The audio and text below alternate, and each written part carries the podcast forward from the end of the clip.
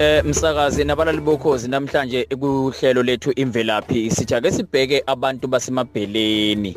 Abantu basemabheleni baqhamuka nabo phansi kwesigaba esifanayo nabantu basemahlutshini bangamambonguni eh bonke ke bafike kulelizwe ke bebona ke babehamba nombhele ukuyena dlozi labo elikhulu okuyena mqambo wesibongo kodwa abantu basemabheleni futhi baphinde bahlobane nabantu bakwaNtuli baphinde bazalane futhi nabantu bakwaNdlela undlela kaSompisi. Eh abantu basemabheleni batholakala belapha na emgedeni yaselenge kuyavela ukuthi bake baba mazimzimi ngesinye isikhathi ngesikhathi bebhokelwe indlala kakhulu. Kodwa kuthe ngokuhamba kwesikhathi ke base beqhubeka nje nobuzimzimi sebekwenziswa ukujabula ngathi kwakumnandi ukudla inyama yomuntu. Ngiyakhumbula inkathi sikhuluma eh, ngabantu basema ngabantu bakwamabaso sathi kwakuthiwa kunuwa santungwana kwakusho bona abantu basemabheleni angithi ke kuthemva kwalokho ke mase kuqhubeka sebephila kahle behlala khona emgodini emgedeni yaseyintabeni yaselenge.